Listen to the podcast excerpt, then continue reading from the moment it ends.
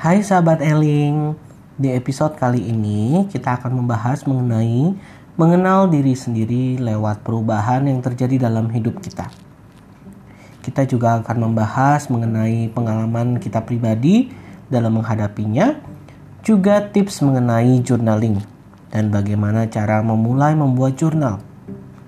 Dengan bantuan teman kita pada hari ini, Hani Kusumawati, Hani adalah seorang penulis dan fasilitator mengenai journaling untuk mengenal diri sendiri. Enjoy the talk.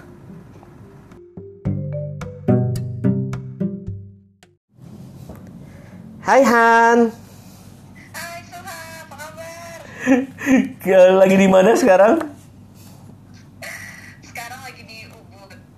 Ya, kalau pendengar gak ada yang tahu kenapa kita tahu karena susah banget dari tadi Hani lagi di Ubud pakai audio audio telepon lewat WhatsApp dan aku harus rekam dari jauh dan dari tadi cari-cari tempat bagaimana caranya nggak double voices gitu yang munculnya gitu. Tapi sekarang sih udah cukup oke sih. So, hari ini topik kita mengenai discovering yourself through changes. Nah, dari dari pengalamanmu pribadi kayak gimana sih perubahan yang dirimu hadapi selama ini? Apakah kita sebenarnya bisa eh, apa ya menghindari perubahan? Aku kayak kebanyakan sih kalau menurutku kita selalu sadar sama perubahan-perubahan besar ya. Hmm, Kayak misalnya aku pas 2014 aku berhenti kerja untuk jadi freelancer. Hmm, Itu kayak perubahan besar banget gitu. Hmm. Terus kayak tahun lalu merit hmm, yang aku sa- "Hah, bisa ya orang kayak aku merit gitu. Ternyata hmm, ternyata merit terus uh, pindah ke negara yang baru ngurus surat-surat ini itu segala macam gitu so hmm. menurutku kalau ditanya apa yang berubah ah ya mungkin itu yang berubah dalam hmm. aku Dan kalau gue dari orang luar, kalau gue dari orang luar yang ngelihat lu, lu tuh hampir semua hidup lu tuh kayak nggak ada yang tentu gitu. Dari mulai, iya, dari mulai tinggal di Jogja, terus ke Jakarta, nanti ke Bali, abis itu ke luar negeri, sekarang pacar juga tinggalnya di Amsterdam bareng gitu. So hidup lu kayak zaman zaman manusia purba yang nomaden gitu lah. Dan mungkin juga ya Iya. Bagaimana lo mengatasi perubahan ini selama ini? apa ya menurut menurut itu sih kayak kita tuh mungkin kayak kayak kalau gue ditanya apa yang berubah mungkin gue selalu akan ingat perubahan-perubahan besar dalam hidup gitu tapi Hmm. kalau dipikir-pikir sebenarnya tiap hari tuh kita menghadapi perubahan gak sih Ya pastinya. coba gitu kayak ya misalnya apa yang beda gitu apa yang berubah dari hari lo sebulan lalu sama sekarang Hmm. Eh, sekarang gue di rumah terus karena corona. Nggak praktek. Eh, eh, dan jauh lebih rajin taking care of myself. ya ya kan sebenarnya kayak ha- sehari-hari tuh kita sebenarnya ngadepin berbagai hal yang berubah-ubah gitu loh Hmm.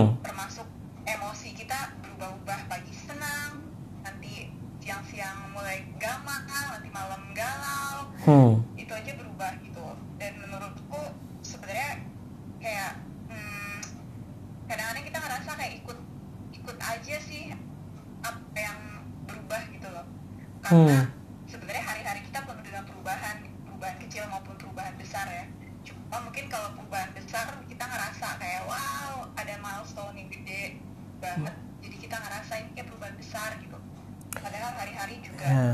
eh, mama gitu berubah jadi Ya. kalau gue ditanya oh gimana ngadepin yang berubah-ubah nggak tahu juga ya gimana ya kayak berusaha ngikut aja lagi dibawa ke mana nih gitu Hmm. dan gue bisa ngapain di, di- dengan perubahan yang terjadi gue bisa ngapain what can I do Iya. Kalau gue juga ngelihat, kalau gue ngelihat lu ya, eh, Han, lu tuh tipe cewek yang very have fun go mad gitu. Jadi super santai gitu. Kayak kayak benar-benar hidupnya nggak terplan sama sekali tapi kerjaan banyak-banyak aja gitu alhamdulillah ya semoga oh, oh. dan sebenarnya lu pernah nggak ada hari-hari di mana aduh capek banget gitu dengan perubahan-perubahan yang signifikan terus terjadi dalam hidup lo gitu pastinya pastinya tapi satu yang agak epic nih kayak jadi gue married Juli tahun lalu Hmm. terus abis itu saya sedang untuk ngurus surat apa segala macem kan Mm-mm. Um, dan ternyata kayak stay itu sangat beda dengan lo traveling ya Iya. Oh udah jadi warga negara sana nih. uh, uh, Oh. kartu residence ah Mhm. nah pas itu lagi nunggu itu tuh lagi nunggu kartu residence. Jadi mungkin ada perasaan kayak digantung digantung. Kayak hubungan kok digantung. Itu nggak tahu ini uh, dapat apa enggak terus kalau dapat uh, apa segala macam gitu. Ya secara di atas kertas sih harusnya dapat ya tapi ya ada masa-masa gamang terus kayak harus pindah tempat baru klienku klien-klienku bagaimana gitu Hmm. Hmm. nggak pulang-pulang ya kan biasanya kan aku ke sana misalnya sebulan pulang meeting dapat project Hmm. kemarin tuh kayak apa menipis gitu Hmm. Pulang meeting gitu gue inget banget satu kayak satu siang gue lagi di rumah sendirian masak bikin eh masak telur ceplok sih mau kayak telur ceplok sama kecap bango Mhm. kayak kayak iklan tapi kecap ya kecap manis gitu Hmm. Eh, untungnya ada kecap manis di supermarket Hmm. terus kayak gue udah membayangkan aduh enak banget nih nasi anget baru mateng terus telur mau pakai kecap manis gue mau nuang kecap manis po kecap manisnya beku Ya. karena dingin kan Eh. ya gue nangis po Oh. gue nangis terus gue kayak oh my god susah banget sih hidup gue cuma mau makan telur ceplok sama kecap manis aja kayak kayak susah gitu loh Hmm. jadi kayak terus di situ abis itu gue ketawa sih gitu tapi em, kayak oh ternyata gue selama ini mungkin itu kayak apa ya kayak re- reflection ya Hmm. refleksi gue bahwa ternyata gue ternyata stres kayak gitu ternyata Hmm. gue menganggap ini tuh se- satu perubahan yang sulit buat gue gitu Atau mungkin tanpa tanpa disadari jadi ternyata banyak yang dipendam gitu ya. Yes, itu dia gitu. Mungkin ternyata gue bilang kayak ah gue kayak baik-baik aja gitu. Tapi mungkin sebenarnya gue khawatir, mungkin gue ada ketakutan sendiri atau Hmm. menganggap ini sulit gitu. Hmm. Yang triggernya adalah si telur ceplok itu. Dan what do you do? Pada pada saat emosi semua itu kayak luber semua keluar.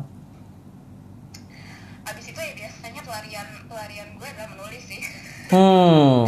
Jurnal eh, dari dulu selalu kayak gitu karena dari kecil karena gue anak tunggal terus Hmm. jadi kayak nggak eh, terus eh, gue tuh termasuk yang nggak boleh terlalu sering main keluar sama teman-teman gitu loh kalau Hmm. anak-anak kecil lain kan banyak yang main eh, sore gitu gue tuh termasuk yang strict orang tua gue juga nggak boleh main terlalu sering nggak boleh teleponan terlalu lama jadi Hmm. kalau ada masalah atau emosi atau apa larinya ya udah journaling gitu Hmm. aku nulis gitu jadi gue menulis menumpahkan Ya. Tapi kalau dibilang pelarian sebenarnya juga tanpa disengaja sebenarnya lebih menyembuhkan daripada melarikan diri ya kayaknya ya. ya mungkin ya ya mungkin tiap orang punya mekanisme berbeda-beda untuk mengatasi perubahan yang dia hadapi gitu Kalau Iya. gue termasuk orang yang kalau menghadapi yang menghadapi perubahan yang menurut gue sulit itu emang gue tipe yang introvert kan jadi Iya. kalau bukan tipe yang gue pengen cerita sama orang karena ada juga ya Iya. harus sama orang harus share gue tuh enggak justru gue yang tipe gue narik diri happy gitu misalnya pergi ke mana ke tempat yang nggak ketemu siapa-siapa Ya. terus lebih refleksi lebih journaling lebih kayak gitu caranya kalau kalau gimana Kalau gue sendiri sih eh, biasanya gue taking a break. Kalau ngera- ngerasa kayak udah overwhelmed, biasa gue take a break dulu gitu supaya gue bisa memproseskan semua yang terjadi gitu. Eh, atau eh, jangan malu untuk asking for help gitu. Dari teman-teman yang eh, praktisi juga atau juga terapis. Karena sometimes banyak hal yang kita gak bisa olah sendiri gitu dengan dan kita butuh bantuan orang lain. Sama aja kayak kalau kita mobilnya mogok ya karena gue nggak ngerti mobil ya panggillah tekni- teknisi gitu. Yes. jadi gue sih kadang-kadang mikir eh, kalau misalnya gue udah overwhelmed dengan perubahan yang terjadi dalam hidup gue biasanya gue mundur sebentar gue kosongin dulu jadwal gue biar gue bisa berproses dan menerima si emosi ini apa aja. Karena karena sering kali kita nggak respect respect emosi yang muncul gitu. Kita langsung buru-buru pengen ngusir dia padahal mereka pun hadir sebenarnya kan untuk membantu kita juga sebenarnya. Yes. jadi biasanya sih gue pribadi gue akan kasih waktu sebentar untuk berproses. Habis itu gue akan cari pertolongan. Tuh. Tapi ngomong-ngomong tentang menulis tadi ya kenapa gue ngerasa itu lebih healing? Karena pertama gue ingat satu em, kan dulu kan eh, Hani juga pernah bikin kelas di Eling. Dan waktu itu pernah Hani kirim satu eh, kayak eh, link eh, artikel mengenai eh, kegiatan terapi yang muncul tanpa disadari pada saat kita menulis. Menulis dengan tangan loh ya. gitu. Karena sebenarnya dari menulis dengan tangan pun ada kegiatan terapinya gitu. Dari sini boleh nggak Hani ceritain lebih sedikit eh, kenapa menulis dengan tangan itu punya kegiatan terapinya sendiri? Hmm, mungkin eh, mungkin sebenarnya menurut gue semua yang dibuat dengan tangan sih Hmm, interesting. gue itu punya efek menenangkan ya. Misalnya lo nanam nanam bunga sendiri. Hmm, kan? Ada orang yang bercocok tanam Hmm. bikinan sesuatu hmm, masak. Hmm, Menurut gue semua yang kita kerjakan sama tangan tuh em, ada kayak koneksi langsung dari pikiran dan tang- dan gerakan tangan. Hmm, terus ketika kita membuat sesuatu dengan tangan tuh kita ada konsentrasi kan hmm, kan eh, eh, udah nuang tepung berapa hmm, gimana biar nggak tumpuk ya ada konsentrasi dan kita slow down hmm, biasanya kan benda-benda apa pun yang dibuat dengan tangan tuh lebih lama. Hmm, hmm, prosesnya daripada mesin hmm, dan menurutku uh, uh, efek slow down dan ada konsentrasi fokus kita fokus kita konsentrasi dan kita mem- memelan itu mungkin membantu hmm, pastinya. Um, ya karena biasanya ketika kita lagi emosi itu kan kayak pikiran ke mana-mana cepat Hmm. uh, cepat banget gitu pikiran kita bergerak Hmm, dan mungkin melakukan sesuatu dengan tangan itu membantu kita memelan membantu kita fokus konsentrasi di saat ini gitu di present moment ya, kayak aku inget banget dulu pas aku di Ubud pernah ikut kursus uh, membatik hmm, itu diajarin kan cara pegang itu harus berapa derajat.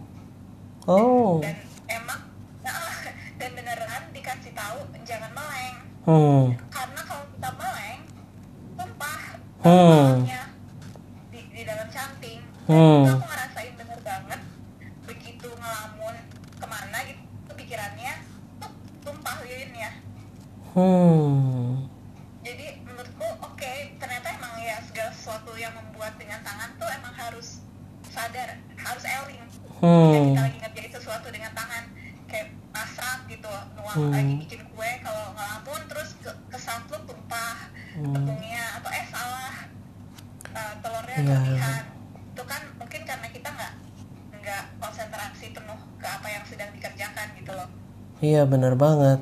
Dan mungkin, eh, jadi menurutku Mhm. hmm, dan mungkin kalau untuk pendengar untuk lebih mengerti, maksudmu journaling di sini itu journaling seperti apa, Han? Um, banyak sih tipenya tapi kalau untuk aku biasanya di awal awalnya tuh emang ngeluarin unek-unek aja sih ngeluarin apa yang ada di dalam pikiran Hmm, selama berapa menit?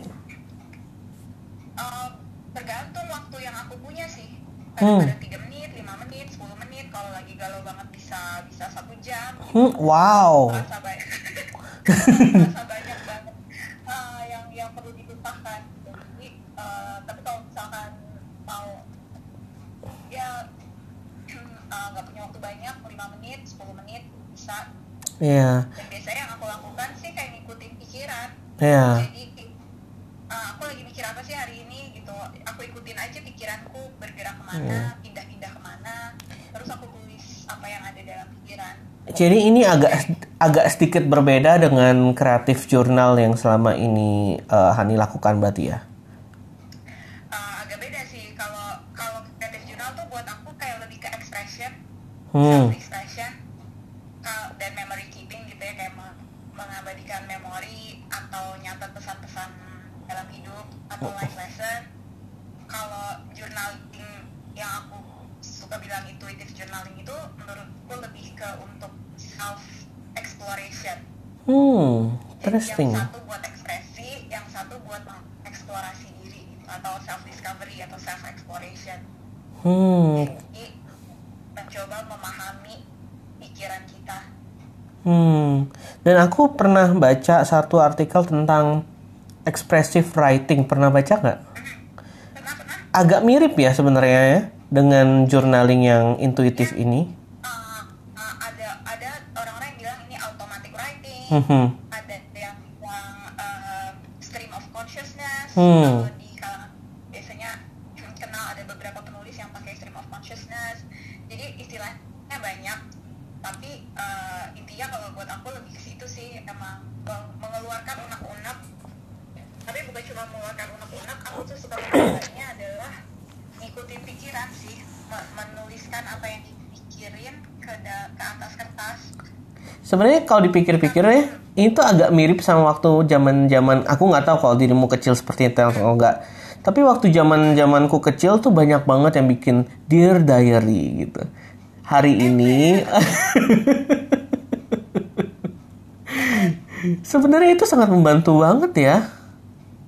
bantu bantu Em, mungkin perbedaannya gini ini kalau yang aku perhatiin ya Hmm. karena aku juga termasuk anak-anak read diary jadi Mhm. aku masih nyimpen tuh diary diary zaman SD zaman Wow. SMP Ah, ah, masih ada di rumah Wow. bisa dibakar malu-maluin banget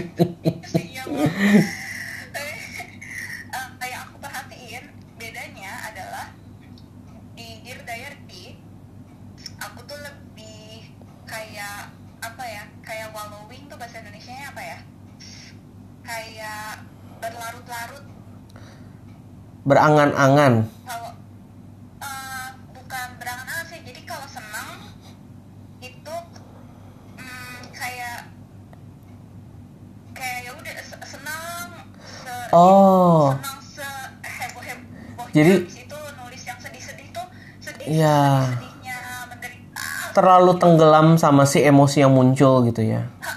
Hmm. Ah, ah.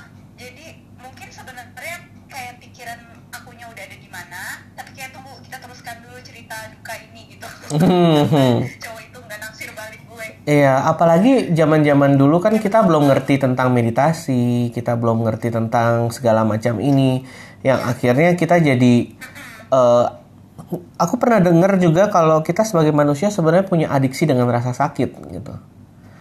Itu sebabnya pada saat kita kita lagi sedih, tanpa kita sadar kita sengaja pengen denger lagu yang sedih-sedih untuk korek-korek kesedihan itu, atau ingat-ingat semua yang bikin makin sedih gitu atau cerita ke orang supaya bisa makin sedih-sedih gitu. Atau beberapa orang bahkan ada yang memamerkan kesedihannya di Instagram gitu kan. Karena kita sebagai iya, kita sebagai manusia ternyata punya adiksi dengan si rasa yang menyakitkan ini karena si rasa ini mengeluarkan satu hormon yang membuat kita nyaman sebenarnya. Ya very interesting. Aku juga aku lupa aku pernah baca itu di mana. But then again, aku ingat juga tentang si expressive writing atau uh, uh, automatic writing ini yang waktu itu juga dirimu sempat share juga di kelasmu bahwa kadang-kadang muncul hal-hal yang nggak kita sadari ada dalam hidup kita gitu. Misalnya tiba-tiba kalau ngomongin tentang keluarga tiba-tiba kok oh sebegini bencinya ya aku sama papaku misalnya gitu. Atau oh sebegini stresnya ya aku belakangan ini gitu. Dirimu menem- menemukan kayak gitu juga nggak sih terjadi kadang-kadang? Sering banget menemukan kayak gitu.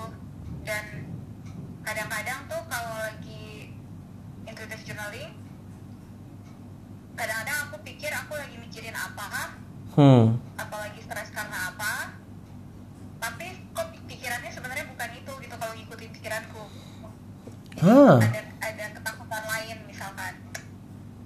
Hmm. Eh, itu salah satu hal yang yang menarik gitu karena kadang-kadang kita kayak pikiran kita tuh bergerak dengan sendirinya kan. Hmm. Kalau kita kadang-kadang lupa gitu hari ini kita mikir apa aja sih? Hmm. Apa yang dalam pikiran kita satu jam lalu? Mungkin hmm lupa. Hmm. Gitu karena biasanya kan pikirannya cepet gitu jadi ketika pikiran lagi terasa ruwet gitu makanya aku nulis dan ikutin pikiranku tuh jalan ke mana mikir Iya. cuma lapar abis itu dia mikir "Ah, aduh ini deadline nanti ada deadline ikutin pikirannya sehingga aku tuh tahu sebenarnya yang lagi muter-muter di dalam pikiranku tuh apa Interesting. Apakah itu juga yang menyebabkan dirimu untuk merekam memori-memori yang terjadi yang di uh, creative journaling? Uh, salah satunya itu sih karena aku merasa kayak apa ya kadang-kadang kita tuh lewat satu tahun gitu misalnya akhir tahun terutama gitu ya terus kita look Hmm. back tahun kemarin gua ngapain aja mungkin kita cuma ingat hal-hal besar misalnya itu Hmm. misalkan aku putus atau aku punya pacar baru Hmm. atau uh, apalah dapat promosi di kantor dan Hmm. kayaknya kok kayak gue, gue cuma ada five things that I can do about last year gitu Ya. makanya terus aku berpikir kayak padahal tuh menurutku setiap hari aku misalkan dengar sesuatu yang yang makes me happy Hmm. Kecil kayak oh aku nanam apa terus tanamannya tumbuh terus aku senang Hmm. hal kecil yang mungkin luput atau ada orang kita ngobrol gitu kayak gini terus gue dapet eh tadi Suha ngomong gini ini bagus nih kayaknya something good for my life gue bisa tulis. Hmm. Ada kayak kalau buat gue sendiri pertama emang emang seneng aja seneng nulis terus dengan creative journaling tuh biasanya kayak jurnalnya halamannya dihias-hias Iya. gitu Dan kita lihat lagi kayak cantik banget gitu ya.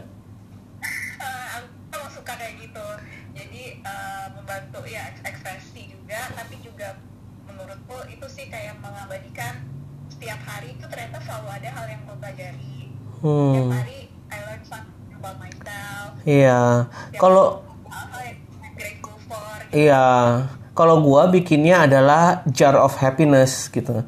Jadi setiap gua siapin satu jar eh, yang gue bisa masukin kertas-kertas. Tiap hal yang membuatku membuat apa ya kayak bangga dengan diri sendiri itu gue tulis, gue lipat, gue masukin ke jar gitu. Dan biasanya pada saat gue lagi down, depresi, stres, gue buka tuh jarnya satu persatu gitu supaya gue tahu hey I do many things juga loh selama tahun setahun ini gitu exactly exactly karena kita kan sering too hard for too hard uh, sama diri sendiri gitu ya iya ya. Kayak nothing gitu kayak uh, nggak ada hal-hal bahagia dalam hidup gue tahun ini kayak semuanya Ya. gitu. Dengan, dengan mengesampingkan sebenarnya banyak banyak hal-hal yang yang menyenangkan yang pernah kita alami juga dalam hidup Iya. kayak itu nice reminder sih buat gue. Kadang-kadang gue bingung kenapa ya kita itu uh, so hard on ourselves gitu. Kayak menurut gue apa yang menyebabkan kita seperti ini gitu? Menurut lo apa nggak tahu ya mungkin I don't know apakah gue atau juga apakah ini kayak adalah cara kita dibesarkan itu kayak how uh, kayak ada kayak lo tuh harus selalu sukses lo tuh harus produktif Hmm. ini harus gitu. Apakah mungkin karena ada tekanan itu juga? Hmm. Kita ngerasa kalau gue belum sukses tuh gue belum ngebantuin orang tua. Kalau gue belum married tuh gue belum berhasil. Misalkan Hmm. atau kalau gue belum ini belum punya rumah tuh gue harus terus kerja sampai punya rumah misalkan. Hmm. Apakah mungkin karena itu? Dan kita mungkin ngerasa kalau kita belum sampai di situ kita belum bisa ngebahagiain orang lain. Atau Hmm. mungkin kita kayak kurang layak nyenengin orang lain maybe Hmm. jadi ada ada ukuran-ukuran yang yang mungkin menurut kita ya kita harus ngejar itu sampai dapat baru mungkin kita ngerasa oke gitu walaupun Hmm. nanti biasanya kalau udah dapat tetap aja ada yang dicari lagi ada yang dicari lagi kan. Iya. Kalau gue pikir kayaknya karena kita tuh dari dulu dari kecil selalu dididik untuk mencari kesalahan. Baik dalam kita ulangan, selalu dilihat yang mana aja yang salah. Lalu sistem grade di sekolah yang ranking 1, ranking terakhir siapa gitu. Jadi kita selalu membandingkan diri dengan orang lain. Tapi kita nggak pernah diajarin melihat keunikan dan positif yang ada dalam diri kita sendiri gitu dari dulu. Kayak selalu belajar membandingkan, belajar untuk fixing the problem, but not seeing the beauty that actually already inside us gitu. Iya mungkin juga. Jadi kita emang kayak di dikondisikan untuk lo harus ngebenahin semua kekurangan-kekurangan lo gitu. Harus berusaha lebih keras belajar lebih keras. Tapi mungkin nggak nggak diajari untuk ngeliat sebenarnya lo tuh udah punya beberapa kekuatan dalam diri lo juga gitu kan? Dan gimana Hmm. caranya lo dan lain sebagainya gitu jadi Hmm. mungkin juga sih kita selalu terpakunya gue Hmm. kurang ini gue kurang itu gue kurang ini gue kurang itu gitu Iya. Mungkin gue mau nanya tentang satu hal juga yang gue pernah deng- lihat dari salah satu IG lu mengenai morning pages. Gitu. Sebenarnya morning pages ini seperti apa sih?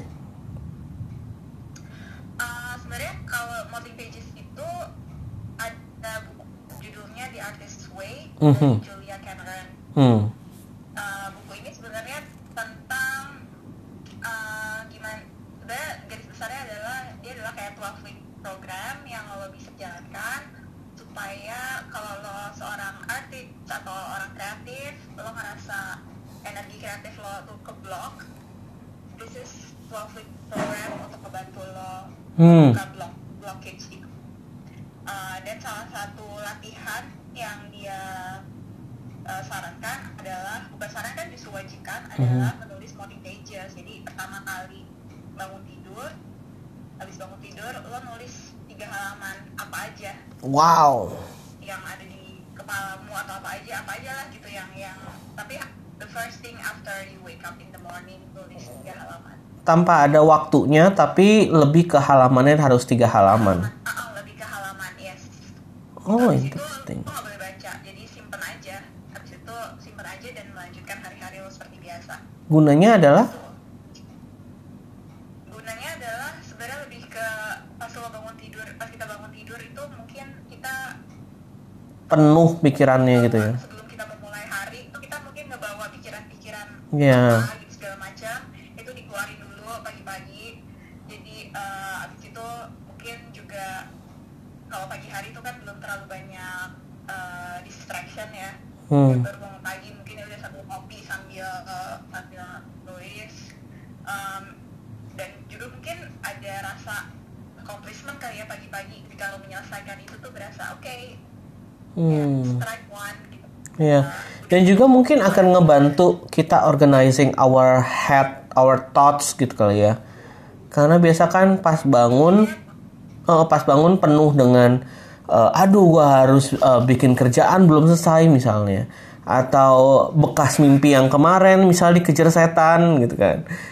Jadi dengan morning pages juga membantu kita untuk memulai hari dengan lebih apa ya, lebih jernih gitu kali ya. Yes, jadi mungkin kita jadi sadar ya, oh pagi-pagi tuh pikiran gue udah penuh dengan hal-hal ini kok gitu. Mm-mm. Kayak, uh, Dan itu sangat membantu banget pastinya.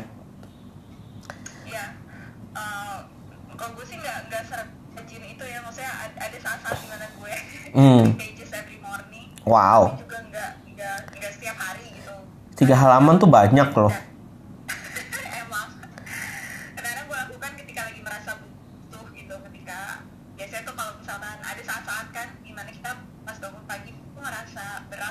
Hmm. dan ada saat-saat kita bangun pagi ngerasa oke ringan aja gitu bangun ngopi tapi ada juga kan saat hari-hari di mana lo ngerasa bangun tidur itu berat gitu kayak ada heavy weight on you nah Hmm. biasanya lakukan morning pages yang tiga halaman itu pada pagi-pagi yang seperti itu supaya gue tahu kenapa sih kenapa gue ngerasa heavy banget bangun pagi hari ini gitu Oke.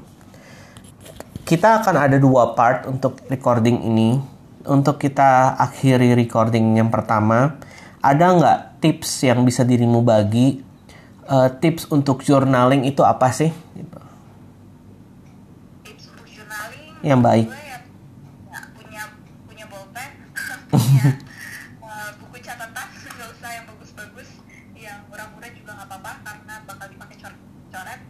dan Hmm. menurutku jujur sama diri sendiri Hmm. ketika journaling menurutku kamu bisa pakai timer kayak 5 menit atau 10 menit belum mau journaling dan jangan berhenti nulis Hmm. biasanya yang susah buat orang yang baru-baru uh, intuitive journaling susah untuk 10 menit aja nulis gak berhenti temanya tuh gak berhenti untuk ngikutin pikiran padahal pikiran kita tuh gak pernah berhenti Iya. kan makanya meditasi susah kayak yang kalau dibilang meditasi itu mengosongkan pikiran enggak juga sebenarnya Iya. meditasi itu kan kayak memperhatikan pikiran kita ada di mana Betul.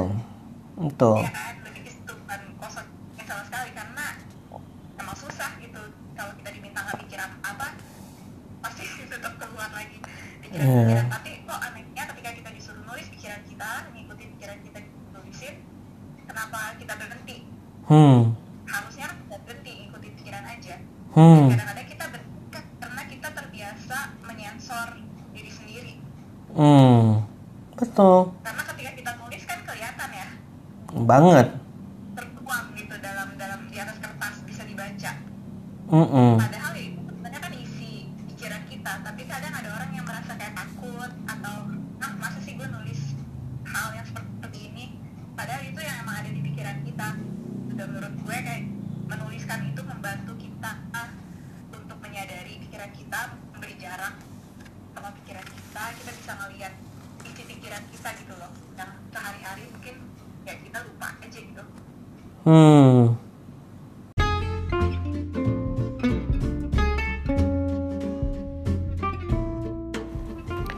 Semuanya, saya Suhahudi dan saya adalah seorang holistic health practitioner, certified DAT Pro dan penulis.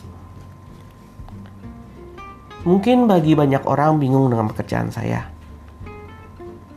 Jadi pekerjaan saya biasanya saya membantu untuk mengatasi trauma, menyembuhkan isu emosional, dan allergic reaction. Atau untuk memudahkan, bila Anda sering sekali dihantui masa lalu, susah move on, atau kok ngerasa hidup begini-begini aja ya, atau ngerasa sendirian, atau merasa nggak berhak dicintai, atau merasa ingin pergi saja dari hidup ini. Semuanya itu sebenarnya kita bisa sembuhkan sendiri. Tapi kadang-kadang kita nggak mengerti bagaimana cara menyembuhkannya. Di sesi dengan saya, saya akan mengajarkan Anda bagaimana cara Anda menyembuhkan diri sendiri dan lebih mengerti mengenai diri Anda. Bila Anda membutuhkan bantuan, tinggal kontak Instagram saya di @suhahoedi s u h a h o e d i dan tinggal direct message saya. Sampai bertemu secepatnya karena sampai akhir Agustus ini kalian dapat diskon ekstra loh. Tunggu message-nya.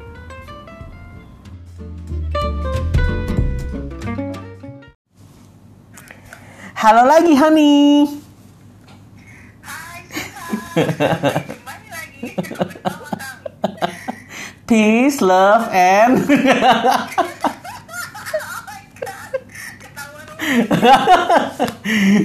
Oke, so dari uh, episode sebelumnya kita sempat ngomongin jurnal, kreatif jurnal, intuitif jurnal, morning pages. Sebenarnya lu punya berapa jurnal sih Han? banyak sih, nggak nggak banyak sih. Sekarang udah mulai mulai semakin sedikit. Tapi pada dasarnya gue emang selalu punya punya buku di sebelah gue ke mana pun pergi gitu. Dan Hmm, kalau lagi kerja dan apa segala macam itu adalah sebenarnya kayak buku coret-coret. Hmm, Jadi kalau ada yang kepikiran atau keinget sesuatu atau dengar sesuatu gue coret-coret di situ jadi kayak ya buku coret-coret lah intinya terus gue punya yang sekarang itu ada satu jurnal yaitu daily journal yang lebih untuk creative journaling itu sih yang di bias terus gue cerita hari ini ngapain aja Lu beneran bisa tiap hari tuh? Hah? Beneran bisa tiap hari? Eh, kadang-kadang nggak nggak tiap hari menghias-hias sih jadi misalnya kalau lagi traveling gitu lagi sibuk atau lagi banyak meeting mungkin kayak tiga hari gue nggak nulis di situ belum nulis dan belum menghias-hias tapi semua catatannya tuh udah ada di buku coret-coret gue Hmm. Terus gratitude journal juga ada satu lagi ya?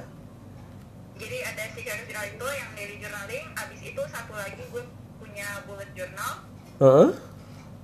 bullet journal tuh lebih ke buat kerjaan sih sebenarnya jadi kayak to do list hari ini mesti ngapain terus kayak bills harus dibayar kapan harus Hmm. siapa kapan sebenarnya buat nge-track lebih banyak buat nge-track kerjaan sih sama oh gue punya ide Iya. apa, kayak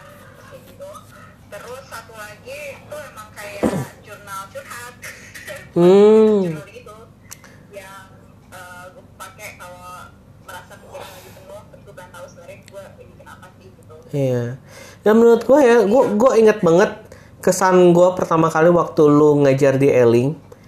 Lu itu tuh kayak kayak pengajar indie gitu loh. Tahu kan musik-musik indie gitu yang yang nggak banyak orang yang tahu tapi sekali bikin panggung itu rame banget gitu. ya ampun Hani kayak begitu tuh. Jarang banget ada kelasnya, tapi sekali ada kelas rame banget yang nanyain sampai bikin hari baru gitu loh. Masa sih Sampai ada beberapa orang yang masih nanyain ke gue loh, Mas, Mbak Hani kapan lagi ngajar gitu. Gue bilang kagak tahu. Ini masih bulan madu, gue bilang. sekarang kita online dulu ya Mm-mm. Nah, Tadi- tapi Sobat sendiri punya jurnal juga ada dong sekarang. Gara-gara lu juga nih. Tadi sebelum sebelum kita mulai podcast, gue udah eh, pamer dulu isi-isi journaling gue sekarang. Udah ada washi tape, Oh, oh, udah ada stem gitu. Uh, udah rame. Dan udah ada dat lagi datang ke sini dari Batam. Aduh pusing nih gue. aja Aku sekarang sih ada gratitude journal. Jadi ada satu jurnal khusus untuk gratitude. Terus satu untuk eh, semua creative ideas. Jadi sometimes waktu aku bikin lagu atau aku bikin puisi, aku masukin semua ke sana. Terus em, kegiatan kerjaan atau terapi itu juga ada eh, kayak eh, apa namanya kayak moleskin gitulah yang jurnal untuk kegiatan hari-hariannya. Terus sama satu lagi kemarin baru bikin eh, jurnal apa namanya? Kok tiba-tiba gue nggak kepikiran ya? Jadi semua isi kepala gue gue masukin ke sono lah. Tapi gue lupa namanya apa, jurnal apa agak-agak gitulah gitu. Tapi menarik loh. Talking about Dear Diary. Talking about Dear Diary. Sebenarnya jari cewek itu udah punya tanpa sadar udah punya kegiatan terapi dari kecil gitu ya. Kayak kalau cowok kan kalau bikin diary itu filled with shame gitu. Kesannya gak boleh gitu. Padahal u- tapi sekarang di Instagram ada voice of journaling loh oh iya serius loh. Serius jadi emang cowok-cowok yang emang suka journaling gitu Namanya apa?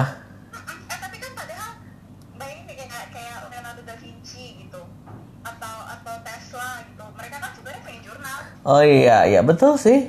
ya kan Betul sih. Pikiran mereka main kayak sketch mereka itu juga jurnal loh Oh ya, gue lupa satu jurnal lagi yang menurut gue lagi eh, lagi gue lakukan dan ini cukup penting yaitu gue jurnal eh, mengenai semua emosi dan sampah batin gue. Beneran. Jadi ada satu lembar. Bo Heeh, satu lembar gue isinya tentang shame. Jadi apa aja yang membuat gue merasa aib dalam hidup gue gitu. Atau injustice. Hal-hal apa aja yang membuat gue nggak fair gitu selama ini gitu. Jadi gue jurnalin satu-satu dan setiap hari gue TAT-in tuh berdasarkan emosi satu persatu kayak book of shadow oh, iya iya iya cuman minus mantra-mantranya aja. Heeh. ya? Yuk mari. Nah, oh iya dulu juga gue pernah bikin eh, mood journal. Ah, Em, jadi dulu tuh gue sempet bikin ini kayak kayak eksperimen jadi eh, setiap jam itu gue gue kayak ada satu halaman gitu satu halaman terus gue tulis jam-jam gue aktif lah misalkan dari jam 7 pagi sampai jam 10 malam gitu hmm, 7, 8, 9, 10, 11 gitu. Terus gue tandain eh, jam tiap jam tuh gue monitor emosi gue. Interesting. jadi misalnya jam 7 pagi gue bangun itu misalkan gue merasa oke happy gitu terus gue warnain misalkan kuning gitu kalau Hmm. pakai color code gitu deh misalkan kuning happy. Hmm. terus misalkan kalau bi- biru itu gue sedih atau capek Hmm, eh, atau stres gitu. Terus kayak gue gue bikin tuh tiap-tiap eh, tiap jam. Jadi gue record. Jadi gue bisa ngeliat gitu seharian eh, dengan semua aktivitas gue di mana gue ngerasa happy. Gue lagi ngapain sebelumnya. Hmm, gimana dari dari eh, warna happy kuning gue berubah ke warna sedih biru.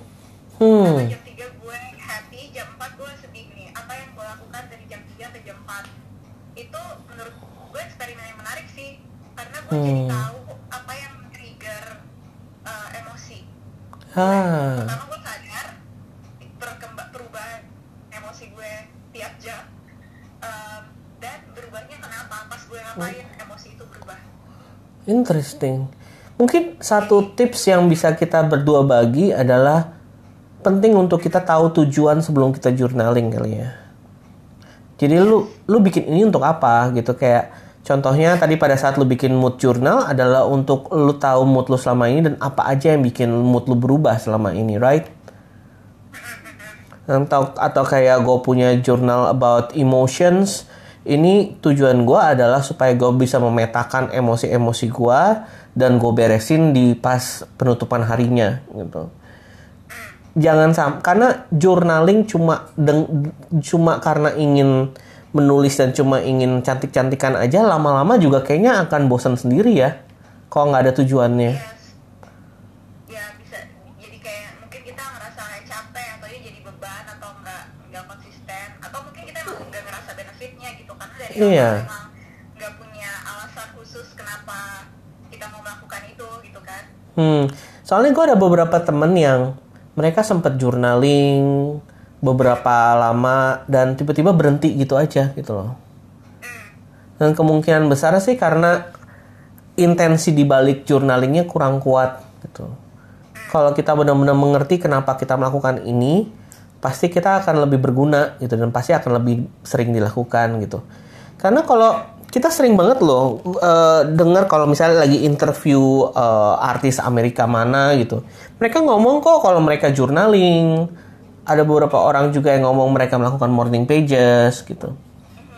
Dan itu penting banget untuk kita memetakan ini karena eh, Mas Reza juga eh, Mas Reza Gunawan sempat cerita bahwa sering kali pada cara pada saat kita curhat sama orang kadang-kadang kita malah dicuekin curhat kita atau malah eh, dia ngejudge kita atau ini gongnya disuruh bersyukur sebel banget denger. Tapi justru tanpa kita sadar tempat curhat paling aman dan paling menyenangkan adalah sebenarnya dengan di selembar kertas. Karena mereka nggak pernah ngomongin balik, mereka mendengar apa adanya dan mereka juga nggak ngejudge Yes. dan nggak Terus satu lagi sih, gue kayak tadi, ya misalkan gue yang menyimpan diary-diary dari kecil, hmm, itu eh, sampai sekarang itu jadi kadang-kadang suka gue baca lagi kalau lagi pulang ke rumah ah, dan sa- salah satu yang menurut gue sangat sangat membuka mata adalah gimana gue melihat how I change throughout those years. Oh, gue melihat cara berpikir gue berubah. Mungkin kayak eh, dulu tuh ya ampun pas gue umur 14 15 hal-hal yang kayak gini tuh sangat penting buat gue. Sekarang kayak Iya. apa sih? That's nothing gitu.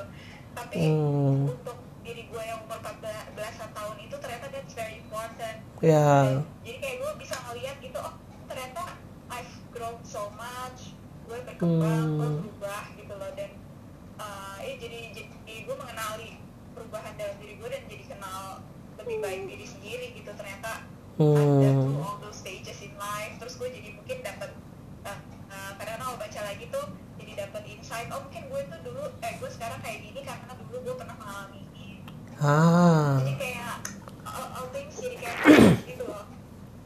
Ya, dan kalau deng- dengar dari cerita lu berarti ada momen-momen di mana diri eh, dirimu kayak berhenti journaling total gitu ya. ada. Ada kok. Ada kayak ada beberapa kayaknya dari pas gue kuliah. Oh, kuliah dan awal kerja kuliah terus awal, eh, akhir kuliah sampai awal-awal kerja tuh gue berhenti di journaling karena sebenarnya kayak waktu itu tuh baru mulai muncul blog. Hmm, terus gue nulis di blog. Jadi lebih banyak nulis di blog karena blog gue yang lama tuh isinya curhatan sebenarnya. Hmm, karena uh, yang kayak enggak gue siapa siapalah gue gitu nggak ada yang visit blog gue jadi isinya masih curhatan semua gitu hmm, Uh, dan mungkin di situ terus gue sempat kayak hiatus nggak pernah journaling uh, secara analog lagi walaupun gue selalu punya buku coret-coretan itu yang isinya campur aduk. Hmm. selalu ada gitu tapi yang journaling beneran nulis dan uh, menuangkan perasaan gue atau pikiran gue tuh sempat berhenti Dan yang membuat lu start lagi apa? yang membuat gue start lagi kenapa ya kan mungkin karena karena kak kak ah gue tahu. Mulai banyak orang tahu blog gue.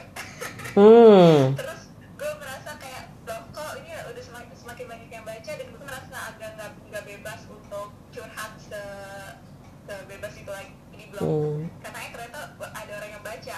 Di situlah gue akhirnya balik lagi ke jurnal analog. Hmm. jadi yang di blog tuh eh, menurut gue yang di blog itu adalah hasil gue journaling eh, yang udah difilter. Hmm, jadi eh, kayak udah diproses gitu. Karena kan pas gue journaling gue ngikutin aja kan. Unek keluarin unek ngikutin pikiran gue ada apa segala macam terus biasanya kalau habis gue baca lagi tuh terus keluarnya kayaknya gue bisa ngomongin yang ini nih Hmm. dan itu yang kemudian gue proses lagi ya. eh, untuk ditulis di blog gitu. Cara lu ngefilter kayak gimana sih Han? Misalnya yang ini boleh, yang ini nggak boleh itu gimana caranya? Dulu dulu gue pernah kayak pernah baca bukunya Osho Mhm, yang tentang creativity mhm, dan dia ngomong bahwa ada dua jenis karya Hmm. satu karya yang vomiting dua karya yang yang beau- yang beautifying dia bilang gitu. Boleh ulang lagi karya yang apa? vomiting Vomiting. memuntahkan Heeh. memuntahkan sesuatu atau karya yang eh, lo tuh mempercantik sesuatu Oke. gitu jadi menurut dia dari dari bukunya itu kayak ada kadang-kadang kita eh, berkarya atau menghasilkan karya itu sebenarnya eh, we kayak we serve for needs gitu loh Hmm.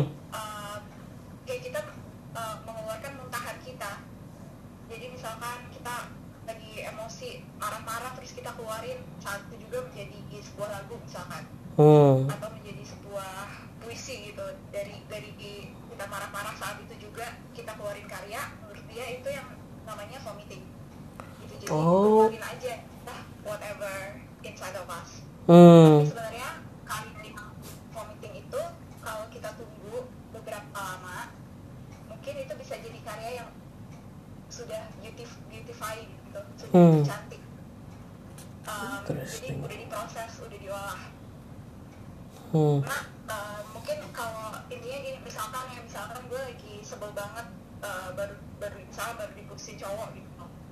Terus gue mengeluarkan unek-unek gue gue nyebelin banget gini gini gini gini, terus gue publish di blog. Hmm. Ya, yuk, ya nggak apa-apa juga gitu. Tapi gue sadar bahwa that that's me vomiting Hmm. my emotions. Hmm. Mungkin kalau gue sudah, mungkin kalau gue menenangkan diri dulu, lalu gue melihat, lalu gue memproses uh, apa pelajaran di balik ini ya. Hmm. Uh, kenapa gue marah banget ketika diputusin cowok gue ya sebenarnya Hmm. apa what's going on inside of me. Kalau kita Hmm. punya waktu buat memproses ini mungkin juga terus journaling gitu kita tanya apa yang paling membuat kita sakit hati kenapa merasa seperti itu buat buat adolescents buat kita terus itu yang kita share bahwa misalnya ternyata gue sangat sakit hati diputusin cowok gue ternyata karena gue takut sendirian gitu dan mungkin gue takut sendirian karena uh, dulu tuh gue pernah waktu kecil gue pernah mengalami gini sehingga gue tahu dan ternyata I'm just afraid to be alone misalnya Hmm. terus itu yang yang karya yang udah diproses Hmm. gitu loh jadi Hmm. nggak bukan cuma uh, keluarin apa unek-unek itu ya bisa dikeluarin pas kita jurnal atau pas kita coret-coret di diary. Tapi mungkin habis itu kita tanya kalau kita keluarkan ini buat orang lain uh, gunanya apa buat mereka? Mungkin pertanyaannya itu sih. Hmm. can this uh, help other people? Atau kalaupun nggak help in that way mungkin help brighten other people's day gimana caranya ketika gue nulis ini people feel related dengan ini Ya. mereka ngerasa mereka ngerasa mereka ngerasa supported Iya. mungkin itu yang udah diolah sih Suha Iya. So in journal, even your shit can turn into flowers ya. iya loh shit kan itu pupuk oh iya. Iya kan? kalau kita kalau kita taruh di tanah itu bisa nunggu sebentar jadi jangan langsung jangan langsung di serve itu Hmm. kita tanam dulu buat sebagai pupuk ya kita tawarkan bunga yang Iya. Tapi memang buku Osho tuh kayak gitu ya. Sebenarnya creativity juga gue baca, tapi gue kayak miss banget tuh bagian itu. Buku Osho tuh kayak setiap stage of our life saat kita baca lagi itu banyak banget hal yang kita miss waktu baca pertama kali. iya Eh, very interesting. ya semua buku juga kayak gitu banyak buku yang kayak gitu sih ya Iya. baca lagi beberapa tahun kemudian eh kok ada ini gitu Iya. Oke, so pernah nggak ada orang yang baca dan ngerasa Han tulisan lu ini tuh ngebantu banget journaling lu yang ini gitu. Eh, yang baca di blog maksud Nah, ada eh, ada beberapa yang yang reach out beberapa ada yang reach outnya di Instagram ada yang reach outnya email langsung ada yang di blog juga dan menurut gue ya itu sih yang yang bikin gue kayak masih kangen udah lama juga nggak nggak ngeblog Eh, kangen ngeblog tuh ketika merasa ada koneksi sama orang yang gue gak iya. ada juga orang yang gak kenal terus akhirnya kita ketemu Hmm. dan jadi teman Hmm. gitu eh, karena merasa eh kita eh, kayak senasib dan ada perasaan ada kedekatan gitu setelah eh, baca cerita di blog gitu kayak gue ngerasa oh ternyata gue bukan cuma satu-satunya orang yang ngalamin ini misalkan Hmm. Jadi menurut gue kayak mungkin when you open yourself lo sebenarnya mengatakan sama orang lain bahwa mereka nggak sendirian gitu Iya. Iya. Karena itu sesuatu yang penting banget sih untuk penyembuhan sih untuk kita nggak ngerasa sendirian. Dan Kalau aku sendiri pernah dapat insight apa dari journaling yang kayaknya paling wow pertama mungkin tanpa disadar journaling gue pertama kali adalah buku gue. ya Heeh. Terus kedua mungkin insight yang gue dapat adalah mungkin gue ngomong yang gue inget ya yang which is adalah gue waktu menulis tentang emotion emotion ini. Ternyata sebegitu banyaknya emotion yang gue simpan selama ini gitu loh. Bahkan hal-hal kecil semasa kecil atau eh, hal-hal yang selama ini gue pikir nggak masalah ternyata pada saat gue nulis kok ini nggak enak banget ya nulis ini gitu dan sering kali kita karena terbiasa eh, nyuekin masalah atau mendem kadang-kadang kita kayak nggak punya waktu punya jeda yang cukup untuk memproseskan masalah tersebut gitu. Yang kemudian saat kita nggak proses terus kita bawa tidur dia langsung ke bawah ke alam bawah sadar gitu. Which is yang yang kita berdua tahu semakin di bawah sadar semakin susah lah diberesin gitu kan tapi justru dengan journaling semua yang di alam bawah sadar itu justru naik ke permukaan gitu dan pada saat dia naik ke permukaan kita jadi punya eh, kesempatan untuk membiarkan dia untuk berproses. yes. Pernah nggak lo? Sih Hah? eh, Kenapa?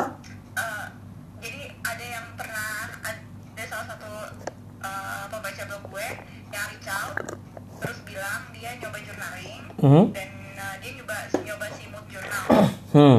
yang tadi itu untuk nge-track emosi terus eh, dia sebenarnya punya clinical depression Oh wow. jadi dia emang emang ketemu eh, psikiater Mhm. yang beberapa beberapa minggu sekali dan dia bilang dia bawa si mood journalnya itu ke Oh. psikiaternya supaya Wow. kayak bisa ngebantu gitu loh Oh, ternyata aku nge- ngedrop di sini tuh pas lo lagi ngapain jadi kayak itu sebenarnya kayak membantu dia juga membantu psikiaternya Wow.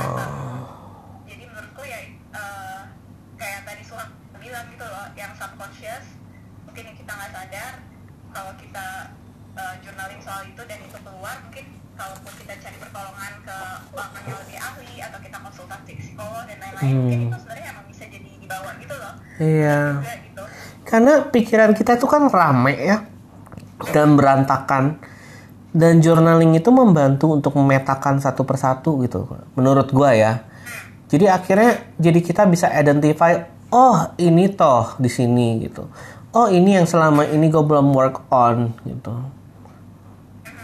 Yang kalau kalau menurut lu pribadi yang membuat lu keep on journaling sampai sekarang apa?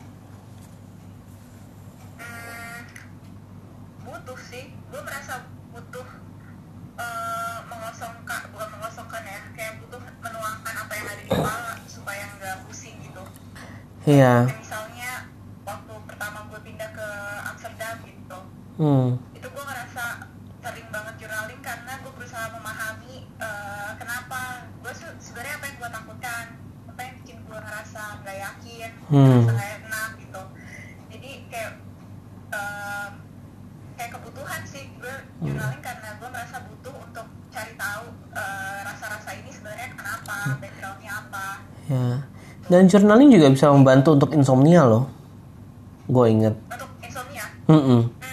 Karena sering kali pada saat kita nggak usah tidur karena pikiran kita rame banget. Dan pada saat kita tuangkan ke dalam selembar kertas, pikiran kita akhir, akhirnya kayak kasih signal, oke, I can rest now. Gitu. Memang, dilakukan Uh-uh. gitu ya memang ada eh, insomnia kan penyebabnya beda-beda. Kalau tapi kalau untuk penyebab di mana pikirannya memang selalu rame mengenai hari esok atau mikirin satu hal terus-menerus di kepala, journaling itu tuh obat paling mudah dan paling eh, gampang dilakukan.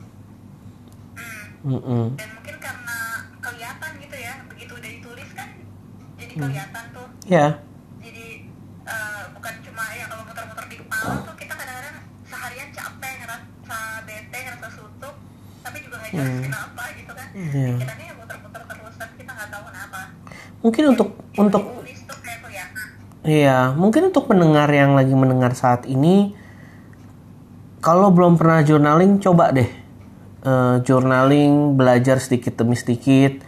Mungkin bisa eh, add Instagramnya eh, Hani di berada di sini. Di sana Hani udah membeberkan semua cara dia journaling. dari mulai kreatif jurnal, dari jurnal yang biasa, atau lihat websitenya di berada di sini.com juga banyak banget. Oh iya, aku juga baru ingat dirimu punya buku, buku baru. buku baru Boleh ceritain nggak isinya tentang apa? eh, judulnya adalah eh, The Other Side of Hate is Love Oh, buku ini Hmm.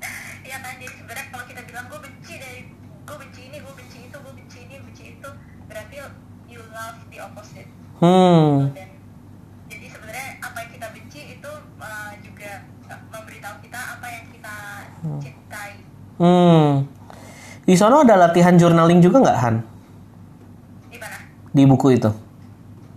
ada jadi emang buku ini uh, lebih kreatif journaling dan kreatif workbook kalian bisa isi ada cerita juga lebih ke journaling untuk membantu kalian Oh. Nah, kalau misalnya belum pernah journaling, bisa tinggal langsung dibeli di Gramedia ada ya? Yes, di Gramedia. Iya. Eh, nanti belajar langsung tentang journaling dan langsung kontak kita gitu. Nah, sebelum kita tutup, ada nggak yang mau kamu sampaikan kepada pendengar? Uh, menurut aku apa ya kan karena uh, mungkin ada teman-teman yang baru mau mulai journaling terus kadang-kadang suka bingung mulainya gimana Um, ada beberapa mm, prompt yang biasanya uh, aku berikan untuk memulai journaling supaya nggak bingung jadi kalau lagi bingung mau nulis apa bisa misalnya set timer udah 5 sampai 10 menit Mhm. sesuai waktu yang ada habis itu bisa ah, salah satu prompt misalnya hari ini kepala aku penuh dengan apa habis itu Hmm. ditulis Hmm. untuk ngikutin pikiran kita Ah, another prompt adalah hari ini gue ingat apa Hmm. karena kadang-kadang pikiran kita juga penuh dengan memori-memori dan Hmm. kenapa hari ini kok gue teringat hal itu Hmm. jadi itu bisa jadi prompt juga hari Hmm. uh, gue teringat apa um, bisa juga hari ini gue ngerasa apa dan Hmm. terusin dari situ Ya. Uh, journaling dari situ Mak- Uh, kadang Maksudnya Hani tadi pada saat prop maksudnya adalah kayak kalimat pembuka Anda sebelum Anda menulis gitu. Jadi kayak aduh eh, eh, pikiranku penuh dengan gitu misalnya. Langsung lanjut aja semuanya. uh, abis itu ada satu hal lagi eh, satu kalimat pembuka lagi satu prompt lagi yang uh, aku paling sering pakai adalah what would you do if you love and respect yourself Wow. Jadi apa yang akan kamu lakukan kalau kamu mencintai dan menghargai diri kamu sendiri? Ini biasanya Hmm. kalimat pembuka, eh, pertanyaan atau writing prompt yang aku eh, yang aku ikutin kalau aku lagi ngerasa harus ngambil putusan, misalkan Hmm. eh, kayak nggak tahu harus decide A atau B. Biasanya ini aku tanyain atau lagi ngerasa cemas, lagi ngerasa khawatir atau lagi ngerasa takut, biasanya juga uh, pakai prompt ini. Nah, kalau kamu mencintai diri kamu sendiri dan kamu menghormati diri kamu sendiri, what would you do? Hmm, that's nice. So that will be the end of our conversation today. Thank you so much Hani sudah membantu. Sama-sama. Kalau misalnya mau tahu lebih banyak tentang Hani, seperti tadi ada di Instagram, di website all platform berada di sini.com atau berada di sini. Ada yang mau ditambahkan lagi Hani? Hmm, semoga kita semua sehat-sehat selalu, semakin eling, Amin. sadar dengan setiap apa yang kita lakukan. Oh, kita. semua kecemasan mengenai corona Anda bisa jurnalingkan juga. bisa bisa uh, kita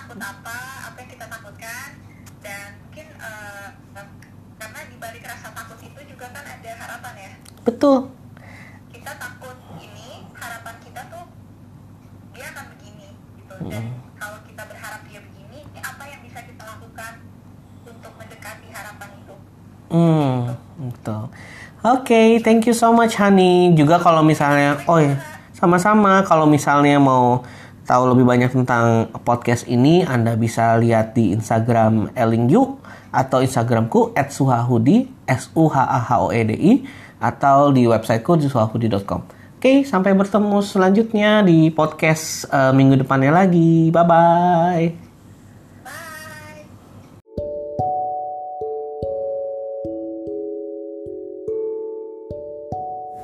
Challenge untuk episode kali ini adalah dengan menuliskan mood journal.